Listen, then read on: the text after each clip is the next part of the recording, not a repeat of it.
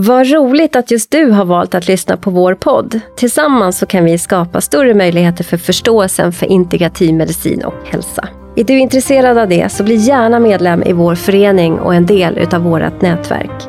Mer information om det här kommer i slutet av avsnittet.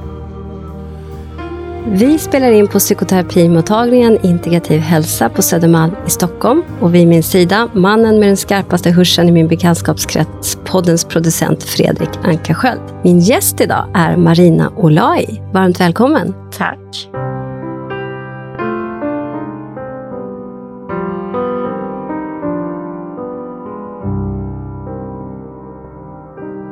Marina, du är legitimerad dietist sedan sju år tillbaka och du valde ganska direkt att verka inom den privata sektorn. Just nu så arbetar du främst på Bragé-kliniken men även lite här på mottagningen Integrativ hälsa. Stämmer. Du har specialiserat dig på att arbeta med patienter med diagnosen myalgisk encefalomyelit, ME. Och jag tänkte först be dig få berätta lite om den sjukdomen och diagnosen. Ja, det här är ju en eh, diagnos som under lång tid har nämnts eh, under namnet eh, kronisk trötthet. Idag säger man myalgisk encefalomyelit. Eh, det finns också en engelsk beteckning, chronic fatigue syndrome, som den här eh, sjukdomen kanske är mer välkänd under. Och i vardagligt tal så används som sagt kronisk trötthet. Eh, vi som jobbar med den här sjukdomen försöker att inte använda det. För vi kan tycka att det är en aning stigmatiserande. För det, att säga att en, en person är kroniskt trött, att, att vara lite trött, det har väl alla en känsla av att ha varit någon gång. Men de symptomen man har med den här sjukdomen är inte bara att vara lite trött. Eh, jag skulle säga att det istället kan liknas med ett tillstånd där du har en energilöshet.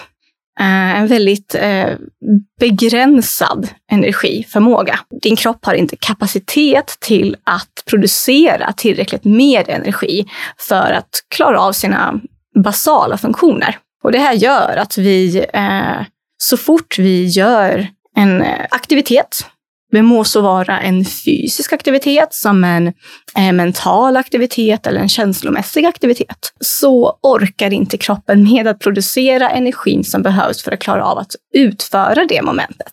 Då blir kroppen, man kan säga energilös då. Att den, eh, det finns ingen ork. Visst har den, den här diagnosen varit ganska omdiskuterad? Mycket omdiskuterad. Och det är väl egentligen först på senare tid som man har enats om att det faktiskt är en diagnos, eller? Det kanske inte är, vi kanske inte riktigt är där ännu?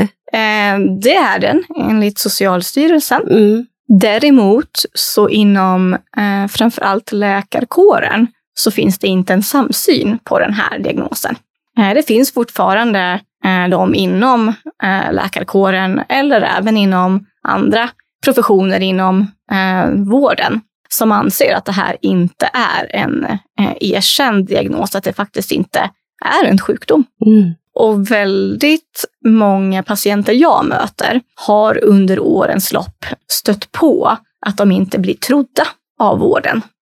Och det är jättetråkigt att höra de upplevelser som de här patienterna har fått varit med om av att just eh, bli ifrågasatta om de symptom de har. Och väldigt många blir bemötta med frågan om de inte är deprimerade.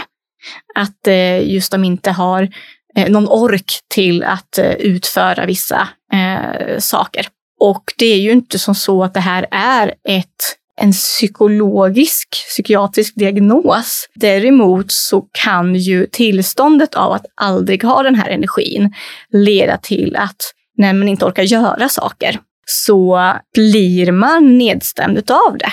Såklart, tänker jag. Ja, Att det, det så ett eventuellt depressivt tillstånd som skulle kunna eh, komma är ju en bieffekt av den här sjukdomens fysiologiska problem. Ja. Vet man, tänker man, har man teorier om eh, hur det här uppstår? Vad är det som triggar igång en, en ME, alltså en process mot eh, att få sjukdomen ME? Mm. Det finns faktiskt ingen, eh, ingenting som är fastställt ordentligt.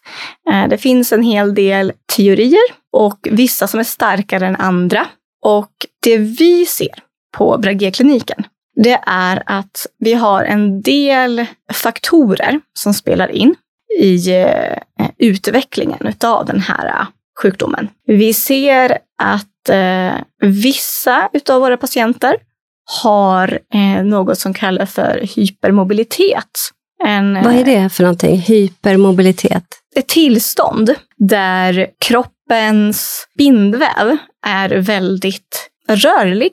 Mm. Skulle man kunna säga. Mm. Som en överrörlighet. Liksom så. Mm. Exakt som en överrörlighet. Och det här gör att kroppen behöver hela tiden försöka kompensera när vi hamnar i ytterlägen. Eh, och det är väldigt uttröttande för kroppen, vilket gör att om du dessutom då har eh, den här energilösheten som man har vid ME, så är det svårt att, att överhuvudtaget ens få upp någon slags batteri av energi om man samtidigt har en överrörlighet eh, som innebär eh, i grunden att kroppen hela tiden kompenserar för att den är, det tar så mycket energi att hamna i ytterlägen. Mm. Okej, okay, så det, det, är en teori? Det är en teori. Ja, ja. Och det är den ni, ni jobbar mest utifrån? På, nej? Det här nej. är en del av sjukdomen som mm. vi ser att eh, en del av de med ME också har eh, den här överrörlighetssymptombilden.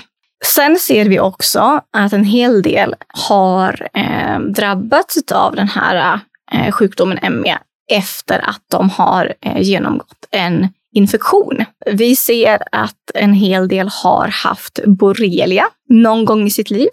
Vi ser också att en hel del har haft eh, Epstein-Barr-virus, alltså det som ger körtelfeber.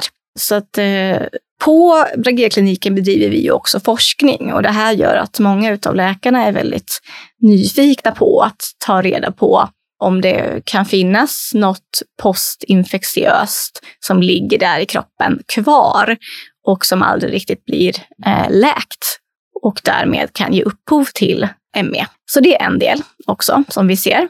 Sen har vi några neurologer hos oss som är inne på banan att eh, det har att göra med en tidigare nackskada. För vi ser också att en hel del utav våra ME-patienter har eh, nackskador som har kommit från till exempel whiplash, bilolyckor eller att man har fallit av en häst när man har ridit som ung.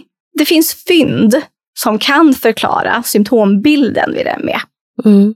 Finns det, är det någon som tittar på det, det här, blir så här, det här uppstår i mig, men den, det endokrina systemet, mm. alltså kortisol och adrenalin? Och, ja. Gör man det också? Vad, vad har man sett där? Då? Vi har ingen som är specialiserad inom det, eh, som möter patienterna i så stor utsträckning. Vilket jag tycker är jättesynd. Ja, för jag tänker att just när det är brist på energi, det är ändå binjurarna som, som liksom servar oss med energi. Så därför tänkte jag just adrenalin och kortisol, hur pass mycket man liksom fokuserar på det. Men det finns i alla fall att man liksom undersöker den. Liksom. Vi kollar på det. Mm. När patienterna kommer till vår klinik så får de ta en radda med eh, blodprover. Och eh, där undersöker man till exempel hur det står till med njurar, binjurar. Eh, man kollar kortisol, man kollar sköldkörtel, blodsocker Eh, etc. Så ehm, det görs åtminstone en genomgång av läget i kroppen som en del av att eh, undersöka ifall eh, någon av de parametrarna skulle kunna spela roll i varför man har de här symptomen. Nu har vi nämnt Bragé-kliniken flera gånger, så du ska alldeles strax få berätta för, för oss vad Bragé-kliniken är för sorts klinik. Men innan det så vill jag bara ändå lyfta det här med att, att post-covid och ME, man pratar just om, eller hur? Visst är jag inte helt ute fel ute om jag säger att man börjar diskutera så här, vad är ME, vad är post-covid, finns det, eftersom de, de berör, symptomen är väldigt lika, eller? Har ni sett det här på Bragé-kliniken någonting? Det har vi. Det finns ju en hel del som tycker att det är positivt att eh, ME lyfts lite mer nu i media i och med att det pratas så mycket om post-covid. Eftersom att ME är en, en sjukdom och en diagnos som inte, som jag sa tidigare, är ordentligt erkänd av alla inom vården, eh, så är det jättebra att det pratas mycket mer om sjukdomen. Gällande då post-covid så eh, ser vi eh, fler och fler remisser till vår klinik nu. i efterdyningarna utav Pandemin. pandemin. Mm.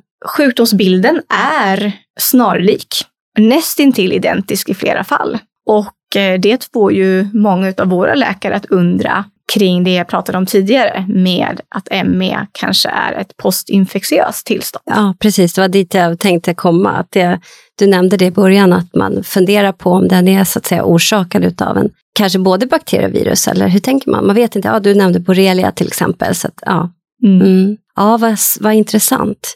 Hur kom du in på vägen att bli dietist? Den, den resan börjar i att jag sedan unga år dansade och eh, utbildade mig till dansare och jobbade med det eh, och höll på med det i ungefär tio år.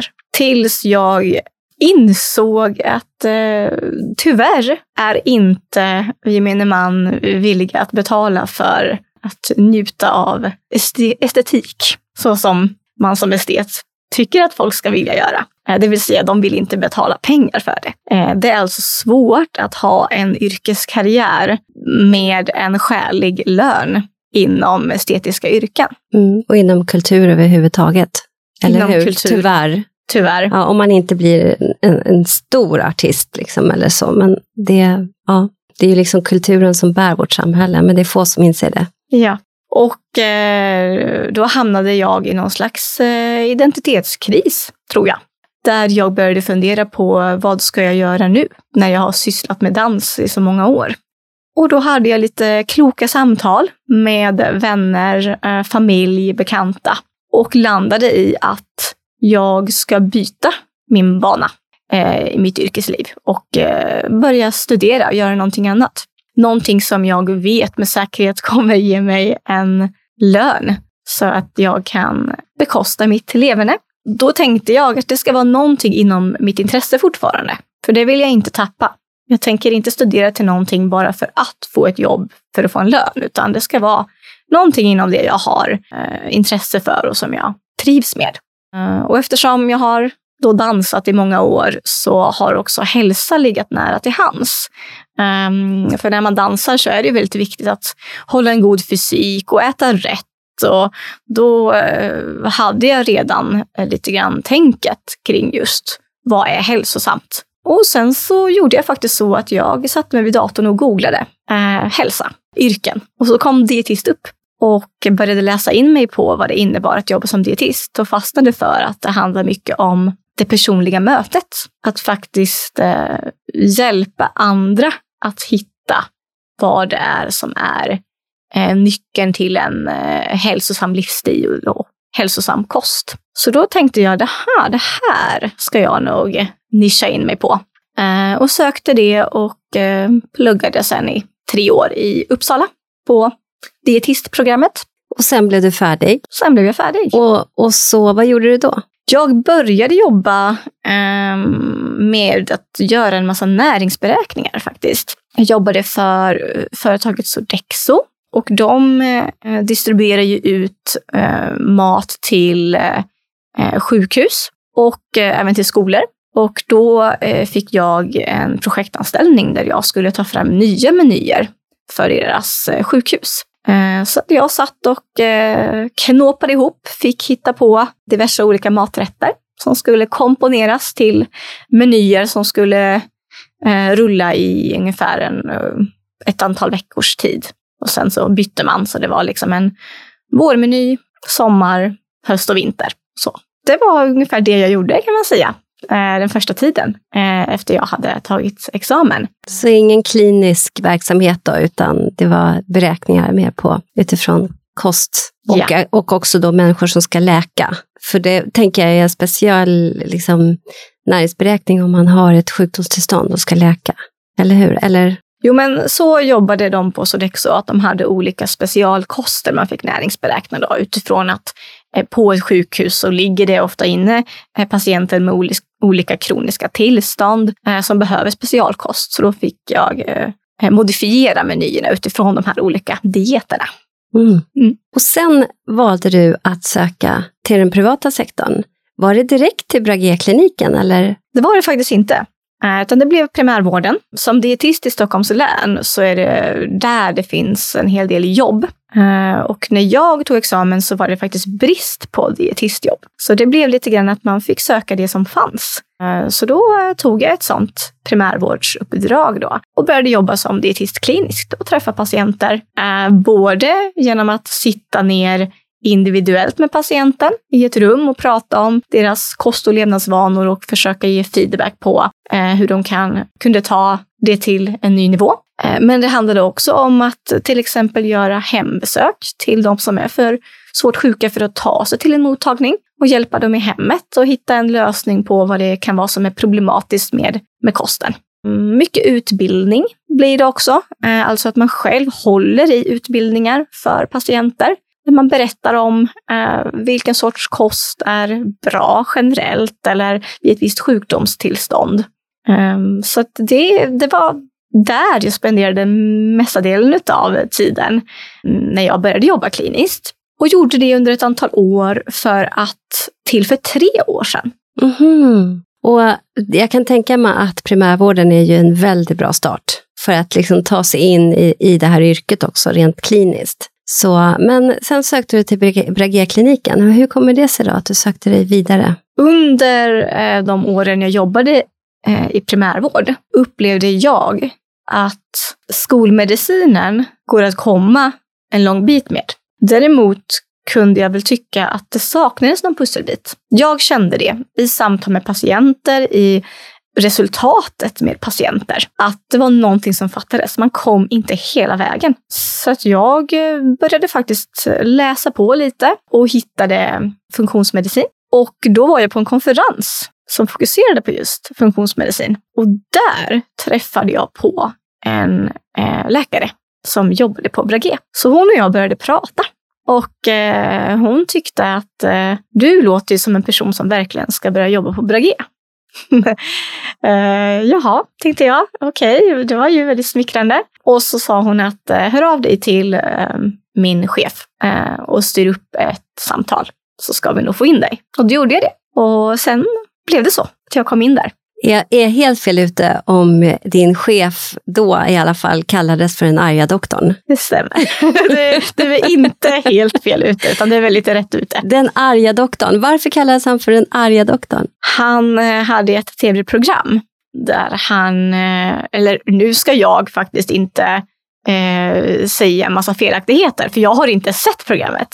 Eh, däremot har jag ju hört av kollegor eh, som har jobbat med herrn i fråga väldigt länge och sett programmet, att um, han var upprörd över sådant som um, hade blivit fel i vården. Som hur patienter hade bemötts och behandlats. Mm. Så en, arg doktor med stort hjärta. Vad heter han? Björn. Björn Bragé. Bragé. Mm. Finns han kvar? Är han ja. verksam nu? Mm. Okej, okay, så till Bragé-kliniken och visste du redan då att du ville specialisera dig på myalgisk encefalomyelit, ME. Ja, när jag började där så fick jag ju reda på att eh, de har en avdelning som är specialiserad på ME eh, och en avdelning som har ett eh, rehabiliteringsuppdrag från landstinget där de fokuserar mer på att Eh, hjälpa sådana som har eh, kronisk smärta eller utmattning. Och jag visste inte då att eh, Bragekliniken enbart behövde en dietist på bara ME. Mm. Utan det var lite mer så att när jag började jobba så berättade de att ja, men du kommer ju sitta på ME. Eh, så det blev så bara. du tyckte att det kändes okej? Okay. Absolut. Ja. Eh, mm. Det var nytt och spännande för mig. Mm. mm. Eh, och just det som lockade mig mycket var att jag fick sådana friheter. För att det fanns ingen dietist där. När jag började göra eftersökningar så fann jag ju att det jobbar mm, väldigt få dietister i Sverige med ME. Och då tänkte jag att wow, här kan man ju göra stor skillnad. Mm. Här finns det ett glapp i vården. Mm. Så det gjorde mig taggad. Mm. Ja, sen dess, ja, tre år tillbaka, har jag byggt upp den här dietistverksamheten på ME-kliniken. Och det är väldigt spännande arbete. Mm jag var nog själv inte riktigt eh, hundraprocentigt eh, övertygad om att jag skulle kunna få sådana goda effekter med behandlingen. För det var precis det jag tänkte att vi skulle ta oss till. För nu, du berättade lite grann hur ni på Bragé-kliniken som team eh, liksom närmar er, er eh, ME-problematiken, undersökningar, man tittar på olika nackskador, virus, bakterier och, och endokrinologiskt perspektiv och så vidare. Men hur närmar man sig sen, jag tänker när patienten väl är diagnostiserad, är det först då du träffar patienten? Ja. Och, och hur närmar sig du patienten rent nutritionistiskt? Alltså vad gör en, en dietist i en, en människas liv som har fått diagnosen ME? Det kan se väldigt olika ut. För att ibland kommer en patient till mig självmant. Det vill säga, de har fått diagnosen och efter diagnos så görs en vårdplanering där eh, vår sjuksköterska går igenom med patienten. Eh, vart vill du börja när det gäller våra behandlingsspår? För det finns lite olika behandlingsspår på mottagningen. Och då kan det vara så att eh, en del är väldigt sådär på och eh, säger att jag vill träffa dietist nu, gärna igår, och blir direkt skickade till mig. Och de kanske har läst om att jag jobbar med en viss sorts kosthållning och då vill de prata just kring det och få hjälp att eh, implementera den här kosthållningen. Sen kan det vara de som lite motvilligt kommer till mig för att läkaren säger att jag tror det skulle vara bra att du träffar dietisten. Och där blir ju samtalet annorlunda. Eh, där sitter ju jag med patienten och pratar lite grann om varför tror du att du är här? Vad, vad, vad, vad skulle kunna vara bra att förändra i din livsstil? Och hitta en motivation till vad det är som eh, gör att de eventuellt vill sen förändra sin kost. Eh, så det, ja, det kan se så olika ut, vem det är man, beroende på vem det är man har framför sig. Kan man säga att Bragekliniken arbetar väl, liksom utifrån ett funktionsmedicinskt perspektiv? Eller? Ja. Nej, det kan man inte. Nej, nej. Jag arbetar så. Ja, du arbetar utifrån ett funktionsmedicinskt. Du, du är en funktionsmedicinsk dietist, kan man säga så? I strävan till mm. att eh, vara det. Ja, så då tänker jag, människan med, som har fått en ME-diagnos, tittar man också rent så vitaminer, mineraler, var de ligger, näringsstatus och så vidare. Och det är därifrån, tänker jag, då, att läkaren säger att nej, men det finns en idé att det kanske skulle ge dig någonting att gå till dietisten. Och sen har du de patienterna då som kommer ur egen motivation. Eh, så då kommer de med ett utgångsläge där du kan göra skillnad som dietist. Men hur, liksom, hur börjar du? har ju två olika kategorier. En som är motiverad och en som är mindre motiverad till en kost, kostförändring. Hur, hur möter du de här patienterna? Mm. I och med att man aldrig får glömma bort grundproblematiken, vilket är den här sjukdomen med eh, kraftig energilöshet, så är det väldigt bra att också fråga mycket kring de här som är motiverade. Vad har du för återhämtningsstrategier? Så att jag vet vad jag har att jobba med. Hur långt har de kommit i det som vi kallar för pacing? Pacing är eh, faktiskt den behandling som finns mest vetenskapligt stöd för när det gäller behandling vid ME. Mm. Vad är pacing? Pacing är, jag skulle kunna säga att det är någon slags arbete med att hitta en balans i eh, sina aktivitetsmönster. Mm. Att kunna hitta vilka olika aktiviteter ger mig energi, mm. men också vilka aktiviteter tar energi. Och sen hitta balansen däremellan dem. Hur, hur ofta kan jag utföra aktiviteter som ger mig energi och hur ofta kan jag utföra aktiviteter som tar energi. Och de här aktiviteterna kan ju vara både och. De kan ju både ge och ta. Verkligen. Jag tänker eh, ordet pace från engelskan betyder ju att man liksom, vad ska man kalla det för, möter den andra, tonar in på den andra, pacear den mm. andra. Så att kan man säga att det handlar om en form av pacing av sig själv, att på något sätt ja, men vad kan man använda för bra ord? Jag tyckte det var bra det du sa. Jaha. Faktiskt. ja, nej, men att man pacear, ja, sig själv. Ja, pacear sig själv. Men vad kan man säga? Att man liksom på något sätt eh, möter sig själv där man är. Inte vare sig mer eller mindre. Det var jätte, jättefint sammanfattat. Ja. Mm. Och där har vi ju våra arbetsterapeuter som gör ett fantastiskt arbete med att jobba med eh, patienterna kring pacingarbetet.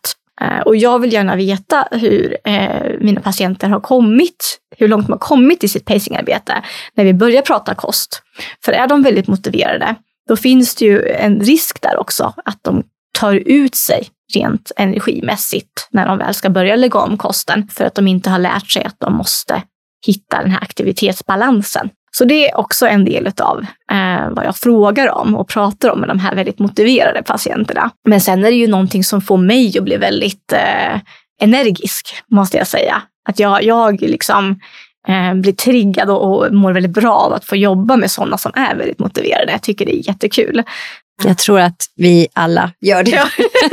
det är liksom enklare och mer energigivande. Men, ja. men det är de som är Alltså jag brukar tänka så här att människor, det finns egentligen inga omotiverade människor. Utan, men motivationen går kanske åt ett annat håll. Och, och, i alla fall gör jag så i min praktik att det är också en undersökning som jag gör väldigt tidigt. Så här, vad, vad, är du motiverad till att gå in i en psykoterapi? Och vad vill du göra själv? För det är också så här att ge ansvaret till den andra, till patienten. Men, och då finns det de som kanske är liksom upplever sig omotiverade eller andra säger att de är omotiverade. Men det är de inte. Det är bara det att motivationen kanske inte går dit jag vill att deras motivation ska gå till. Är du med? Mm. Förlåt, jag kanske avbröt dig. Men... Det var ett jättebra inspel. Jag tänker ju att motivation är fluktuerande och eh, kan verkligen variera från dag till dag också, eller från timme till timme ibland. Och därför är det jätteviktigt, tycker jag, att man har ett bollplank när man ska göra en livsstilsförändring. För att hela tiden återfå motivation om man känner att den börjar dala. Eller som du säger, om den riktar sig åt ett annat håll. Och jag träffar ju patienterna flera gånger. Eh, jag tycker att det är en skön förändring från primärvården. Att jag nu faktiskt på den här kliniken får lite grann sätta mera hur ofta jag träffar patienter. Jag får bedöma behovet eller patienten bedömer behovet. Det kan ju också vara så att man ställer en öppen fråga kring har du något behov? Eh, eller hur ser behovet ut kring fortsatt uppföljning? Där patienten kan tycka att men, det här går jättebra nu och jag behöver ingen, ingen bollplank. Och man låter dem flyga fria själva. För det, ja, jag tycker sånt är jätteviktigt.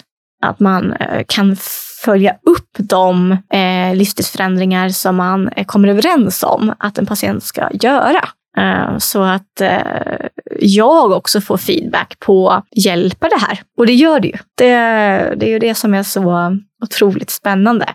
Berätta. Ja. ja. ja. Jag, när jag som sagt började bygga upp den här dietistverksamheten så fanns det ingen information kring hur jobbar vi med kost och ME. Eh, så jag fick själv försöka hitta information. Jag letade runt på olika sidor på nätet för att hitta någon slags källa som kändes tillförlitlig nog att kunna falla tillbaka på. Jag letade studier. finns ju för det första väldigt lite studier om ME eftersom det är en så kontroversiell diagnos. Men också just kostbiten är inte alltid någonting som prioriteras i forskning. Det lilla jag hittade fick liksom bli min grund till att börja med när det gällde kostråd till mina ME-patienter. Och sen så kom jag ju in på att eh, det som kallas för paleo, eller stenålderskost, var en diet eller kosthållning, eller hur man nu ser på det, som faktiskt har hjälpt att stävja inflammation. Och eh, det gjorde mig nyfiken eftersom att myalgisk encefalomyelit handlar om muskeltrötthet, muskelsmärta och en inflammation i hjärnan och ryggmärgen. Så tänkte jag att om, om, eh, om det här ändå är ett, ett tillstånd som innebär att kroppen har en kronisk inflammation, bör inte en kost som strävar efter att stävja inflammation då kunna lindra symptom vid ME? Det blev liksom min tes. Ja, fattar. Det låter logiskt. Mm. Mm. Så jag tänkte, jag kör. Jag testar det här och har fått sådana fina resultat. Som ni följer i forskning? Som vi försöker få till forskning kring. Mm, ja, mm. Kost, dietforskning i relation till diagnos är ju inte det enklaste. Det är inte så lätt att genomföra. Eh, det ska vara en, en bra organiserad studie eh, med rätt metodik genomförd. Eh, man ska ha tillräckligt med antal deltagare. Det är mycket parametrar som ska sitta för att få till forskningen och sen ja, det är en kostnadsfråga också. Mm. Men fallbeskrivningar, Mm. den tänker jag att ni... Absolut. Enligt min yrkeskodex så ska ju jag jobba efter beprövad erfarenhet. Och det kan jag verkligen säga att det gör jag när jag jobbar med den här kosthållningen. För jag har fått resultat som jag måste tillskriva kosten. Jag kan inte tillskriva det någon annan behandling på mottagningen. Patienterna säger också att de kan inte tillskriva det någon annan behandling än att de har gjort sin kostomläggning. Kan du inte berätta om någon sådär inom ramen för sekretess, att du får byta ut kanske namn och kön och så vidare. Men berätta lite grann, någon, någon sån här berättelse om, eh, som du har sett. Vi kan ta en kvinna som eh, är i eh, 45-årsåldern och Eh, har eh, under flera års tid haft den här sjukdomen, men först fått en diagnos när eh, hon kommit till oss på Bragé-kliniken. Och börjat då, efter att fått diagnosen, på olika behandlingar hos oss. Testat alla läkemedelsbehandlingar som vi erbjuder. Har gått till arbetsterapeuten och pratat om pacing. Har träffat fysioterapeuten och pratat om vilken nivå kan hon ligga när det gäller fysisk aktivitet. Och även haft eh, samtal med, vi har ju kurator, om man bara vill ha ett, ett samtal kring hur, hur livssituationen ser ut. Hon har, hon har träffat alla behandlare. Och sen så blev liksom jag det sista. För att hon eh, har känt att men, jag kan det här med kost. Så att, eh, jag tror inte att jag behöver träffa dietisten. Tills hon då kände att nej, men, eh, jag har provat alla de andra behandlingarna och eh, jag har inte fått eh, någon påtaglig förbättring. Kanske små marginella förbättringar, men ingenting som har varit tillräckligt bra. Så att hon eh, insåg att nej, jag ska faktiskt träffa dietist nu. Eh, så det kanske var två år efter hon hade fått diagnos åt oss som hon kom till mig till slut. Två år är ganska lång tid ändå. Ja, och då tog jag en anamnes. Det betyder alltså att jag sitter och pratar med patienten om hur, hur ser livet ut? Hur ser kosten ut? Vad har du gjort tidigare i ditt liv? Eh, har du gjort några kostförändringar tidigare och vilket utfall har det gett i sådana fall? Kommer fram till att eh, hon har testat väldigt mycket när det gäller kosten. Eh, väldigt många med ME har ju som sagt varit sjuka länge innan de ens kommer till oss, vilket gör att de har blivit sina egna doktorer och testat väldigt mycket själva. Och det, jag tänker att det lätt blir så när, vården inte, man inte får gehör i vården. Och eh, den här eh, kvinnan då, hon hade testat, eh, jag tror nästan till alla dieter jag kan komma på. eh, det var liksom allt ifrån Atkins till LCHF till GI till medical medium, um, det mesta. Eh, raw food, you name it. Och sen så hade hon hört talas om paleo Eh, och försökt göra en, en, ehm, en egen variant av paleo. Vilket innebar för henne att hon hade tagit bort gluten, tagit bort mjölk och tagit bort socker. Och känt att eh, hon blev ju lite bättre, men ändå inte som sagt så pass bra som hon tänker att hon kanske skulle kunna bli. Så då föreslog jag att faktiskt eh, gå åt det mer strikta hållet. Kan du köra. inte berätta lite, vad, vad är paleo? Vad är en paleo-diet, kost? Exakt. Det är ett internationellt erkänt namn att säga paleo. Ehm, men vi i Sverige kallar det nog mer för stenålderskost. Mm, för den kommer från paleolitisk kost från, vad, vad kallas den? Ja, den Alltså, paleolitiska Ja, just det. tidsåldern. Paleolitiska tidsåldern. Ja. Precis. Mm. Och det var under stenåldern. Och då levde ju vi människor som jägare och samlare. Eh, vi levde inte i något bondesamhälle. Alltså vi brukade inte jorden och vi hade inte boskap heller. Det gjorde ju att den mat vi åt, det var det som vi kunde antingen jaga eller samla ihop till. Eh, så att vi åt då kött, vilt, eh, fisk, fågel, ägg, rötter som vi samlade ihop till, nötter eller frön vi hittade, frukt, bär.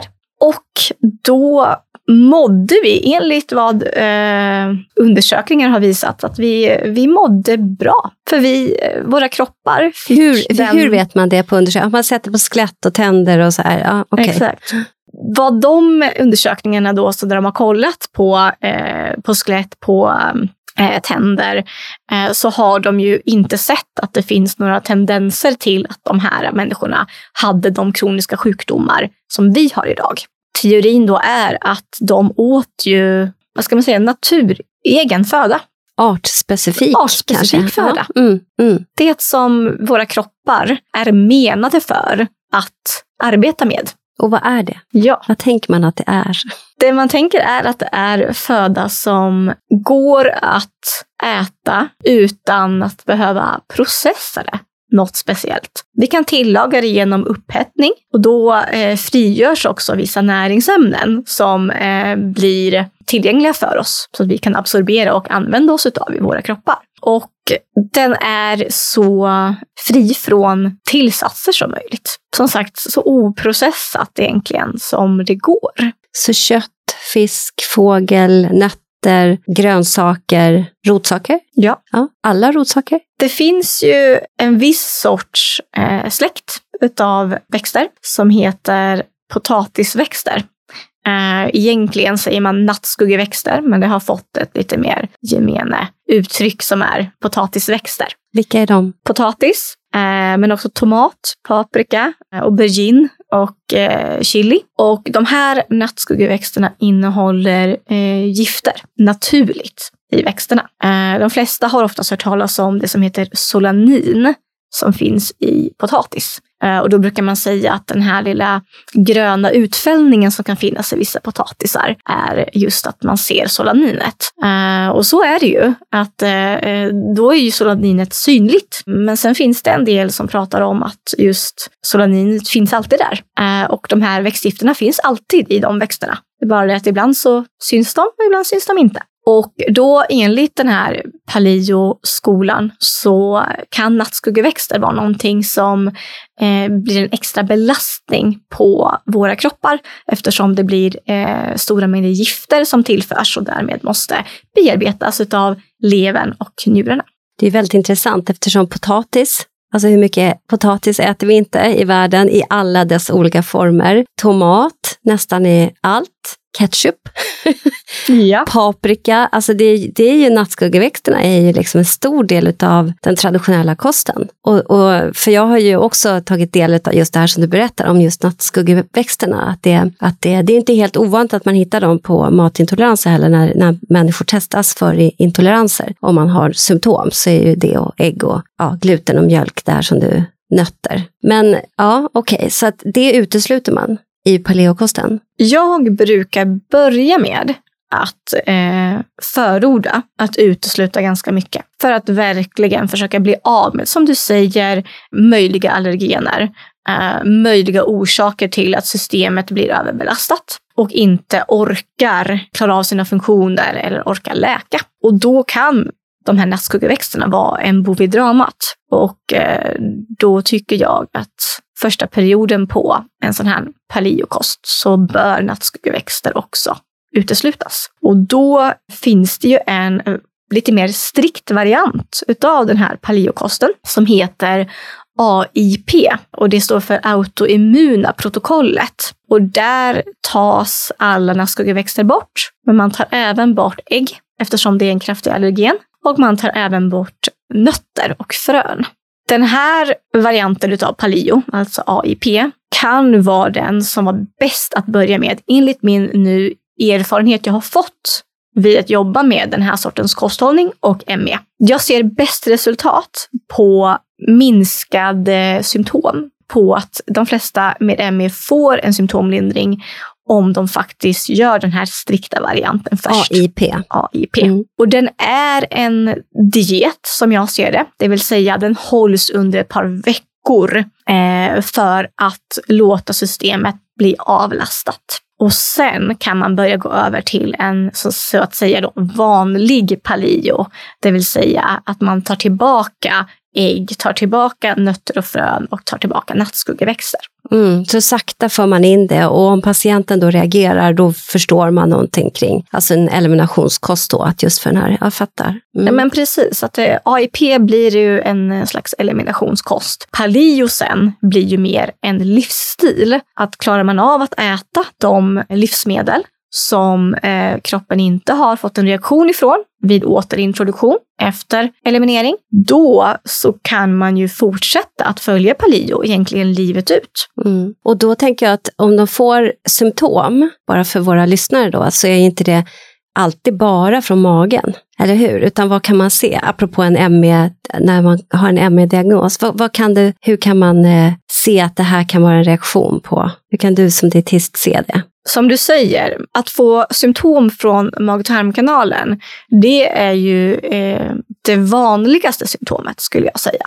Däremot så är det inte alltid att man får symptomen från mag-tarmkanalen eh, när man får i sig någonting som eh, kroppen inte vill ha. Jag märker att flera utav mina patienter beskriver att när de äter någonting som kroppen säger nej till så yttrar det sig ofta i värk. Mm. Mm. Intressant. Och den här verken kan vara eh, migrän som kommer tillbaka, som har varit borta under tiden man har följt AIP till exempel. Eller ledvärk som kommer tillbaka, som också har varit borta helt. Eller diffusa smärtor generellt i kroppen, eh, som helt plötsligt börjar öka igen som man inte känt av. Det är en av de vanligaste symptomen, eh, utöver mag-tarmsymptom, som jag ser återkommer om man äter sånt som kroppen inte gillar. Mm. Och hur länge står man på autoimmuna protokollet? Jag förordar ju minst tre månader. För att kunna se skillnad? Ja. Mm. Helst ett halvår. Mm. Det är som tradition på om man ska ha en eliminationskost på gluten. Och mjölk är en månad för att provocera, men gluten är väl på grund av hur tarmen är uppbyggd och bryts ner och byts ut. Då. Ja, men, och så vidare. Ja, okej, okay. vad va, va intressant. Men den här kvinnan då? Mm. vad hände? tillbaka till henne. Tillbaka till kvinnan? Ja, tillbaka till kvinnan. kvinnan. Jajamän. Hon blev till slut övertygad om att hon skulle köra AIP efter lite övertalning kan jag säga. För jag eh, la fram Palio som hon ändå hade läst in sig på och var nyfiken på. Och hon tyckte att men det lät intressant. Men det här AIP då? Måste man verkligen köra det? Det låter ju så himla strikt. Och så sa jag just det som jag pratade om nu, att eh, vad jag har märkt så ger det bäst resultat. Och det är också det som rekommenderas, nämligen att börja med liksom, den här elimineringsdieten, att utesluta sånt som belastar systemet, sen återintroducera för att märka vad kroppen reagerar på och sen kunna hålla en palio efter det. Så det blir lite mer mödosamt i början, men det är också en kortvarig period. Och jag brukar ofta ja, jämföra med tre månader ur hela din livstid. Då är tre månader tid. en väldigt kort tid. Mm, mm. Och tänk om de här tre månaderna kan bidra till att du faktiskt mår så mycket bättre. Skulle det inte vara värt då att vara lite mera testa liksom. Mm. Lite mer asketisk när det gäller kosten just den perioden. Ja, men så hon blev till slut övertygad och började köra det här. Och sen så gjorde vi som så att vi bokade en uppföljning efter, jag tror det var två månader. För jag ville se hur det gick för henne, om hon hade börjat implementera det eller om hon eh, hade bara gjort det halvdant eh, och i sådana fall behövde lite stöttning på vägen. Och eh, vid uppföljningen två månader senare så kom hon och satte sig i fåtöljen framför mig och jag brukar som jag bör alltid ställa frågan lite öppet om hur går det för dig? Vad har hänt sen sist? Och hon liksom sprack upp i ett leende och bara, alltså Marina, du har ingen aning. jag, jag känner mig nästan frisk. Jag har typ inte känt mig så här bra sen innan jag blev sjuk. Och jag har varit sjuk över tio års tid. Mm. Oj, och det har fortsatt sen? Det har fortsatt sen. Eh, självfallet har inte det här varit en dans på rosor för henne. Det är svårt. Det krävs engagemang och när man också har den här sjukdomen med så himla låg ork så är det ju, alltså det är hatten av. Det är en eloge till att man ens orkar ta sig igenom det. Så jag blir så impad varje gång någon faktiskt kommer tillbaka och säger att jag har gjort det. Mm. Det var skitsvårt, men jag har gjort det och det var värt det för att jag mår så mycket bättre. Mm. Ja, men alltså har vi inte hälsan så har vi ingenting faktiskt i väldigt hög utsträckning, för då orkar vi inte delta i livet. Så att jag tänker att det är ju väldigt motiverande när vår hälsa, man hade önskat att det var att många gör innan, Eh, men det är inte alltid så att man har den kunskapen och när man väl är sjuk så, så finns det ju, det är en stor motivationsfaktor till faktiskt att försöka göra någonting. Och när man har gått igenom alla eh, vårdinstanser som den traditionella hälso och sjukvården erbjuder och inte hittar sin bot där, att man söker sig vidare, så ja, hatten av. Mm. Bara det. Ta sig till dig och den resan och sen göra det. Ja, men vad fantastiskt. Mm. Ja, det är så här solskenshistorier som gör att vi tycker att det är kul att fortsätta med det vi gör. Eller hur? Ja, Det är verkligen så. Det är det man, man lever lite på det. Ja, faktiskt. Som behandlare, faktiskt. Ja, ja. När man får de här solskenshistorierna. Men eh, jag måste bara ställa en fråga om AIP-protokollet. Är det så att säga, så får de ett, ett protokoll, så här, det här får du inte äta, det här ska du äta, och så, så ska de hålla sig till det och lite menyer från dig och sådär. Jag tänker på de som, någon som kanske lyssnar nu, som har den här problematiken, som skulle kunna söka till dig eller till Bragé-kliniken, eh, eller hit till Integrativ hälsa, att få hjälp för det. Är det så det ser ut? De får, man får ganska mycket hjälp av dig va, för att kunna klara av det här också, mm. eller hur? Det stämmer. Mm. Det blir ofta som så att när, när jag och patienten väl har kommit överens om att eh, vi ska köra på det här spåret med AIP, eh, då får de med sig en bibba med information om vad innebär det och eh, vad ska man äta, vad ska man inte äta och lite förslag på eh, rätter man kan laga till. Och eh, sen får man börja testa det här. Och sen kör man då en uppföljning och så stämmer man av. Funkar det? Funkar det inte? Och om någonting som inte funkar, hur kan vi göra för att det ska funka? Vad behöver vi förändra i behandlingen? Så det är ju hela tiden ett, ett kontinuerligt arbete som man gör tillsammans. Eh, att, att eh, patienten testar det som jag delar ut och sen ger feedback på det. Och sen så får jag då ta den utmaningen mm. och lösa det på bästa sätt. Så så länge det egentligen är en fråga om, vad ska man säga, meny eller eh, vad ska jag äta? Där går det att vara väldigt, väldigt kreativ eh, som dietist och spåna lite grann på ja, men vad har den här eh, patienten för matpreferenser? Vad behöver vi ta hänsyn till?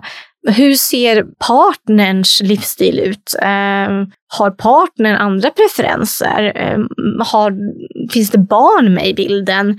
Då kanske man måste ta hänsyn till att maträtterna ska både vara enkla att tillaga eftersom det finns så lite energi, men också att det ska liksom smakmässigt falla alla familjemedlemmar i smaken. Så det är lite, lite knepigt ibland och man får sitta och liksom trixa ihop det. Och väldigt givande då att komma till en dietist som har den här erfarenheten, kunskapen och att inte sitta själv med det. Ja. För det kan jag tänka, jag själv som har gått igenom massa olika di dieter, att det är det där att ha det där bollplanket som du pratade om tidigare och faktiskt någon som vägleder, att bli ledd. Mm. För det är så viktigt när vi inte har vår hälsa att, att få bli ledd. Du är väldigt modig dietist som har liksom klivit utanför den, den offentliga sektorn för att gå in i den privata sektorn istället. Och jag vet att du, för det är inte alla dietister som är bekväma med att eh, prata om dieter på det här sättet som du gör. Det är inte alla dietister som sätter sig framför en databas. Det är faktiskt så när vi är legitimerade att inom hälso och sjukvårdslagen så har vi svurit på att vi faktiskt ska hålla oss uppdaterade och det är många som faktiskt väljer att inte göra det utan gå på givna riktlinjer och så vidare och så vidare. Och det vet vi att ja, det, det funkar på sjukhus, men om någonting händer så är det vi som enskilda yrkesutövare som står ansvariga för vad vi rekommenderar. Och enligt Socialstyrelsen så måste vi veta vad vi håller på med och vad den senaste forskningen är. Och du är ju en sån dietist. Du sätter det där och du vågar och du går emot och är pionjär. Eller hur? Wow, det var lovord. Nej, men jag tycker du formulerade väldigt bra. För det är ju precis så jag anser att en eh, yrkesutövare inom vården behöver arbeta. Att ha det arbetssättet. Eh, att hela tiden följa de senaste rönen, att ta reda på. Att det är din skyldighet att veta vad finns det där ute? Eh, vad har man kommit fram till när det gäller nutritionen för ett visst eh, sorts ehm, tillstånd, sjukdomstillstånd, diagnos? Jag har ju faktiskt skrivit under på det i och med att vi är legitimerade, att vi behöver oss, hålla oss uppdaterade på vad det vi nu jobbar med, det senaste inom vad vi nu jobbar med. Så det försöker jag liksom, jag försöker lyfta det i alla sammanhang, att det är faktiskt så. Och det är många av oss som vet det och det är många också som tar det ansvaret, men det är väldigt många som inte gör det. Och, och då, då kan man höra både det ena och det andra, att den och den har inte forskningsstöd och den och den har inte forskningsstöd för att man har hört det, men man har inte själv suttit bakom en databas för att kolla om det där stämmer. Och många gånger så kan det faktiskt vara så att man är ute och cyklar. Men tiden rinner ifrån oss, Marina, och det har varit ett fantastiskt samtal och så intressant. Jag, jag hoppas att det här verkligen kommer gynna människor, både med ME, kroniskt trötthetssyndrom eller kronisk fatig och kanske också post-covid, att lyssna lite på det här och bli, bli lite stimulerade eller få, ja men, kanske få lite hopp om att det finns andra sätt än läkemedelsbehandling eller andra behandlingar, att man faktiskt också kan göra kostförändringar och hitta, så som den här 45-åriga kvinnan. Men innan vi slutar så vill jag bara fråga dig om det är någonting som du känner att jag inte har frågat dig, vi har pratat om och som du vill passa på att lyfta här innan vi slutar. Det känns som att man skulle typ vilja ha en timma till. och prata ännu närmare om allt möjligt. Det kanske vi får tillfälle att göra. Ja, men exakt. Mm. Jag tycker att vi har eh, pratat om, om väldigt många punkter. Eh, och du har eh, verkligen ställt de frågor som eh, jag tycker att, som jag tänker att när man lyssnar på programmet, att det, det, här är de frågor som man själv vill ställa. Får reda på mer om. Så då får jag liksom avsluta med ja. att ställa en fråga till dig. Eh, sådär, kommer du tillbaka hit och bara pratar, vi kan prata dieter, olika dieter och gå oh. djupdykning i det eller någonting annat spännande. Varför inte? Jättespännande. Du är så varmt välkommen ja, i sådana tack. fall. Tack Marina Olai.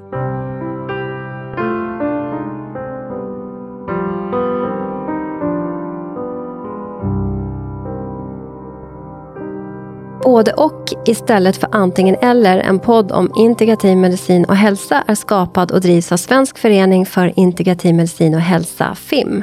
FIM är ursprungligen en yrkesförening för legitimerad vårdpersonal. Vi representerar sjuksköterskor, dietister, fysioterapeuter, läkare, psykoterapeuter, psykologer, tandläkare för att nämna några. Idag omfattas våra medlemmar även av associerade medlemmar som inte behöver vara legitimerade. Föreningens arbete vilar mot den vetenskapliga grund för integrativ medicin och hälsa som finns, såväl svensk som internationell och på systemisk förståelse av människan i sin miljö. Vår förenings arbetssätt har hittills varit att arrangera konferenser, seminarier och folkbilda genom att sprida information, exempelvis via sociala medier. Vår strävan inom integrativ medicin är att vara en organisation som vågar lyfta och ifrågasätta, motverka polariseringar genom tvärvetenskapliga dialoger och sokratiska samtalsregler. Vi vill kartlägga forskning som bedrivs även internationellt och hålla koll på aktuella forskningsresultat om behandlingsmetoder, både vad det gäller den etablerade vården liksom den vård som bedrivs utanför den etablerade vården. Sokratiska samtalsregler innefattas i den sokratiska samtalsformen som egentligen all grundläggande kunskap är sprungen ur, men som ibland till och med lyser med sin frånvaro i dagens public service. Så bli gärna medlem hos oss, för tillsammans kan vi förändra. Och hur du blir medlem hittar du via vår hemsida integrativ-medicin.se. Vi ses och hörs i nästa avsnitt.